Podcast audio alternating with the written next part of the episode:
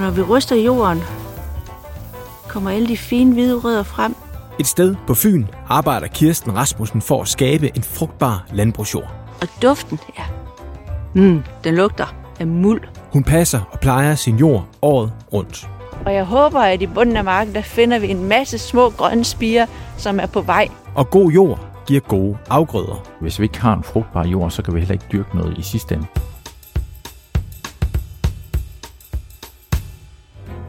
Rundt omkring i Danmark gør økologiske landmænd deres ypperligste for at producere nærende, lækre økologiske fødevarer, produceret med blik for dyrene, kloden og fremtiden. I denne her podcast tager vi ud og møder disse landmænd og giver et indblik i deres dagligdag. Så tag med ud i det ganske land, tag med på et vaskeægte økotrip, denne gang med Kirsten Rasmussen, der passer og plejer sin fine fynske jord hele året rundt. Nu graver jeg en firkant, en blok, så jeg kan få en god blok op af min jord, så jeg kan se, hvordan den er lavdelt ned i dybden. Det første, jeg gør for at skabe en frugtbar jord, det er at sørge for, at der er forhold for vækst i min jord. Og så skal man også forstå, at det er jo ikke sådan, at nu starter man, og så er det slut her. Det er en proces, der fortsætter hele tiden, hele året. Det er sådan en ting, man, man altid arbejder med. Sådan, nu har jeg en blok, jeg kan vippe op. Og der kommer en god firkant. Sådan, så kan vi se på jorden. Oh. Frugtbar jord er grundlag for en god høst, og den skabes ved konstant pleje. Alle fire årstider spiller en vigtig rolle, men vi starter denne fortælling om efteråret. Om efteråret skal man nøse for sit udlæg. Og udlægget, det er græsser, man har sået om foråret. Og så skal man jo sørge for, at de har gode forhold for at kunne gro. Og der kan vi se, at det er en tør jord for det første. Så kan vi se, at det øverste, der er der trods alt mange rødder, der gror. Og når vi ryster jorden, kommer alle de fine hvide rødder frem. Kirsten Rasmussen driver Risbjerg Landbrug sammen med sin mand Hans Erik. Landbruget ligger ved Hårby på Fyn og er på 350 hektar økologisk jord. På gården dyrker de korn, lupiner, ærter og hestebønder. Og øh, for at udlægget kan gro, så skal det have adgang til sol. Og det betyder, at man skal køre ud med sine øh, brakpusser, og så skal man fjerne stuppen. Han slår jo alle stænglerne af, så at bladene begynder at gro igen. Og det er bladene, der skal fange sollyset og transportere kulstof ned i rødderne, langt ned i jorden. Og stuppen, det er rester af den gamle afgrøde, der står derude. Og den skal væk. Halmen skal spredes, så det, det nye græs kan få sol og kan gro og få rødderne sendt langt ned i jorden. Og længere nede, der kan vi også se, at når man klemmer jorden, så kan man inde i jorden faktisk se fine små hvide rødder, som vokser temmelig langt ned i forhold til, hvor tørt det har været. Det synes jeg faktisk er imponerende. Det er nu, at græsset skaber rodkanalerne, så øh, den kan aftage de her store mængder vand, der kommer til vinter, så vandet det kommer væk fra overfladen og ned i jorden. Jord er jo rigtig mange ting. Erik Christensen er ekspert i landbrugsjord. Han er planterådgiver hos Økologirådgivning Danmark. For det første er det jo en levende organisme. Der er jo en masse dyr, som øh, bor i jorden, og som har det som øh, deres hjem. Så det er rigtig vigtigt, at forholdene for de dyr, der er i jorden, øh, fungerer. Og det er ting som luftskifte, som vand og som næringsstoffer. Og man kan sammenligne det lidt øh, som hvis man ælter et franskbrød. Man har en dej, øh, man har noget mel, man har noget vand, øh, og man har noget gær. Og de der forhold mellem mel, vand og gær skulle gerne få organismen til at fungere. Øh, når franskbrødet det lykkes, øh, så går alt godt, ikke? og vi får noget, der er spiseligt. Og det samme er det sådan set for jorden. Og duften, ja, mm, den lugter af muld. Sådan noget, man har lyst til at øh, så nogle, øh, nogle frø i, og så drømmer man om at se en stor grøn vækst af grøntsager. Frugtbar jord, det er, når vi får de der ingredienser til at fungere. Når vi både har mikroorganismerne, og vi har den rette mængde vand, og vi har en rette mængde luft til den. Det er, øh, organismerne, det er jo nogen, der ånder. De trækker ilt ind og skal aflevere CO2, ligesom du og jeg. Øh, så det skal de gerne kunne komme af med. Så derfor er det så vigtigt, at vi har luft i jorden. Der skal meget ilt i jorden, for at den kan blive levende. Og den livlige jord, den er grobund for at danne det, der kaldes for humus. Altså humus, det er jo så øh, resultatet af den gode jord. Altså en god jord er humus.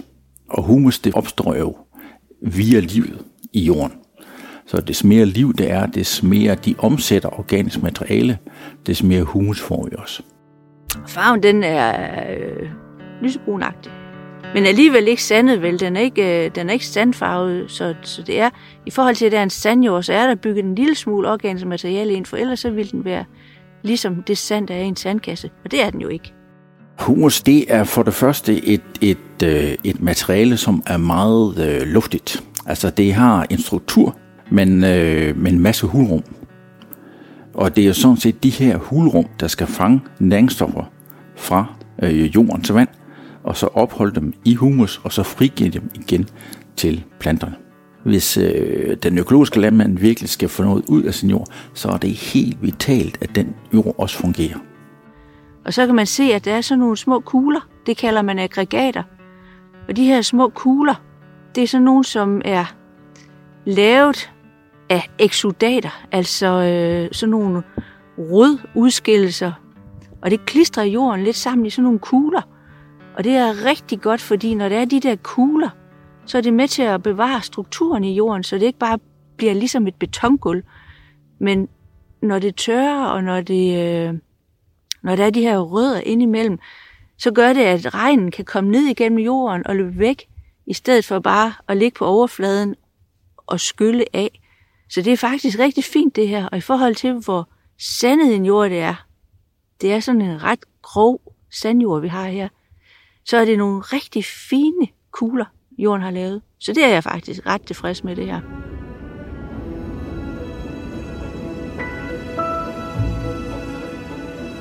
Når vinteren kommer, og det hele fryser til, går marken i hi. Men livet ligger stadig og ulmer under overfladen. Der er meget, der går i hi om vinteren, men det er der jo alle sammen klar til at tage fat igen på arbejdet, når temperaturen stiger, og det bliver forår. Så om vinteren, der er der øh, måske ikke så stor aktivitet, men regnormene er der, bakterierne er der, vores svampehyfer er der, og er klar til at tage fat igen, når det bliver forår.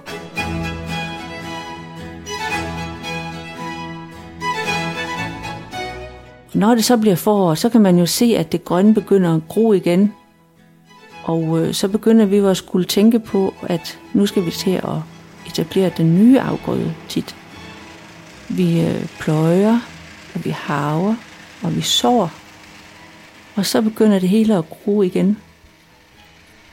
Der kommer højere temperaturer, der bliver større aktivitet i jorden, og det er tydeligt at se, at øh, den frugtbare jord, den, øh, den vågner ligesom op og, og præsterer noget. Øh, den frugtbare jord, den kan gøde afgrøderne selv, så man ikke behøver at tilføre alting til afgrøden. Den frugtbare jord er ligesom en gødet jord, i stedet for en afgrøde, der er gødet. Så på den frugtbare jord behøver man ikke altid at tilføre alle de næringsstoffer, afgrøden skal bruge. Den tager det selv fra jorden, hvor det ligger.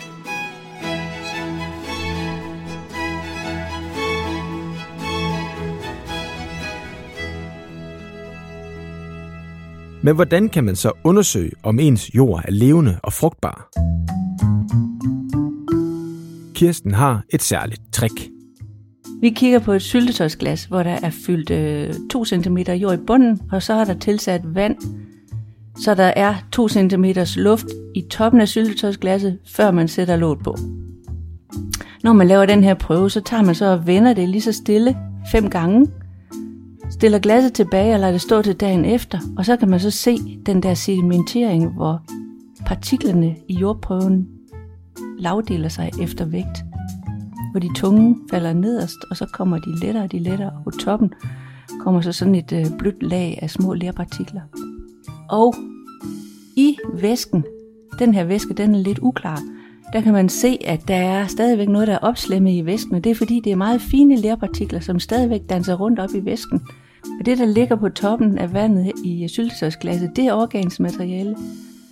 Og øh, der er, det er sådan noget grønt, det er så ikke øh, humus, men der er også nogle sorte partikler, der ligger der. Og det er, øh, organisk materiale, som er på vej til at blive omdannet til humus. Så det fortæller, at der er organisk materiale i den jord. Det er det organiske materiale, der gør, at man har en frugtbar jord. Så, så simpelthen en prøve, så billig en prøve, og så viser den alligevel meget tydeligt, hvad det er, der er under skoene på os, når vi går derud. Efter forår kommer som bekendt sommer, og så er det blevet tid til at høste. Øh, for os starter høsten i august, som regel. Der er afgrøden moden, temperaturen er steget, øh, og vi kan køre ud og høste i godt vejr. Og så kører vi ud med vores majtærsker. Vi tærsker marken, og vi øh, skærer den af ved roden. Så står stuben tilbage på marken. Afgrøden bliver til halm og til korn. Halmen ligger på marken, og den presser vi og kornet kommer op i en vogn og bliver kørt på vores kornlager, hvor vi så bruger det som foder til vores egne dyr. Og halmen bliver presset til halmballer, som så kan bruges som strøelse til vores egne dyr også. Stubmarken, det er jo den der gyldne øh, mark, der er tilbage, når man har fjernet kornet. Og så står der sådan nogle stappe tilbage, og jeg håber, at i bunden af marken, der finder vi en masse små grønne spiger, som er på vej. Det er jo vores udlæg som gerne skal stå der og være klar til at lave frugtbar jord. Fokus på at skabe en frugtbar jord er en tendens, som breder sig over hele verden. USA, Australien, England. Øh, der er en meget, meget stor interesse for, for det her felt. Så økologerne er ikke alene om det. Men de er en vigtig brik i spillet. Nu står vi i en stubmark, hvor der har været ru. og ru, det er jo sådan en høj afgrøde. Der har været en afgrøde, som var 1,20 meter høj. Det har vi høstet. Vi har fjernet kornet, og vi har fjernet halmen. Og så tilbage er der stuppen, øh, som er 15 cm lange halmstritter, der stritter op fra jorden. Og nede imellem, nede imellem stubbene, der står der så vores græs, som er på vej. Udlægget er på vej. Og nu skal det bare have lidt mere vand, så det begynder at gro der er jo den her ressourceknaphed, kan man sige. Ikke? Øh, og den øh, ressourceknaphed, det bliver løst med øh, fokus på jordforberedthed. Det gør det, fordi der skal flere næringsstoffer ind i systemet, og der kommer flere tons øh, afgrøder ud af systemet, hvis jorden fungerer. Når jeg kigger ud over vores mark, så synes jeg faktisk, at jeg kan se, at den er frugtbar. Og det kan jeg, fordi jeg kan se, hvordan den har forandret sig i forhold til, hvordan den var, da vi overtog den. Og der var den helt lys, helt gul, og nu har den skiftet en lille smule farve. Den er blevet mørkere i farven. Øh, jeg ved, at den flyver ikke så meget om foråret, når det er stormvejr, og jeg ved, at den dræner jorden bedre, når det er rigtig regnvejr. Og jeg ved også, at den holder på vandet bedre, fordi udbyttet nu er større, end det var lige da vi startede. Hvis vi kan gå under jorden og kan få den, det samspil, der er øh, under jorden, mellem alle de her komponenter, vand og luft og mikroorganismer og næringsstoffer, hvis vi kan få det til at fungere, øh, så er det simpelthen øh, langt mindre behov for næringsstoffer. Og som forbruger kan du også være med til at sikre at holde vores jord levende. Altså man kan jo købe økologiske produkter, så man, øh, så man ved, at øh, økologerne de arbejder med det her emne, ikke? at de er godt på vej og en, øh, en del af løsningen. Jo. Og når vi får en frugtbar jord, så løser vi også en hel masse ting. Øh, vi løser jo en del af klimakrisen. Altså vi får bundet noget kulstof i jorden, som ikke øh, som bliver taget ud af atmosfæren. Det var historien om den fine fynske landbrugsjord. Tag med på flere økotrips i de andre episoder. Hør for eksempel den om de cirkulære grisebasser. Og så spiser poplerne jo grisenes gødning, og i stedet for at grisens gødning bliver til korn, så bliver det her til, til vedmasse og til, til flis eller rigtig meget brænde. Økotrip er udgivet af Landbrug og Fødevare og produceret af podcastbureauet Kontekst og Lyd. Mit navn er Simon Brix. På genhør. Podcasten er produceret med støtte fra Fonden for Økologisk Landbrug.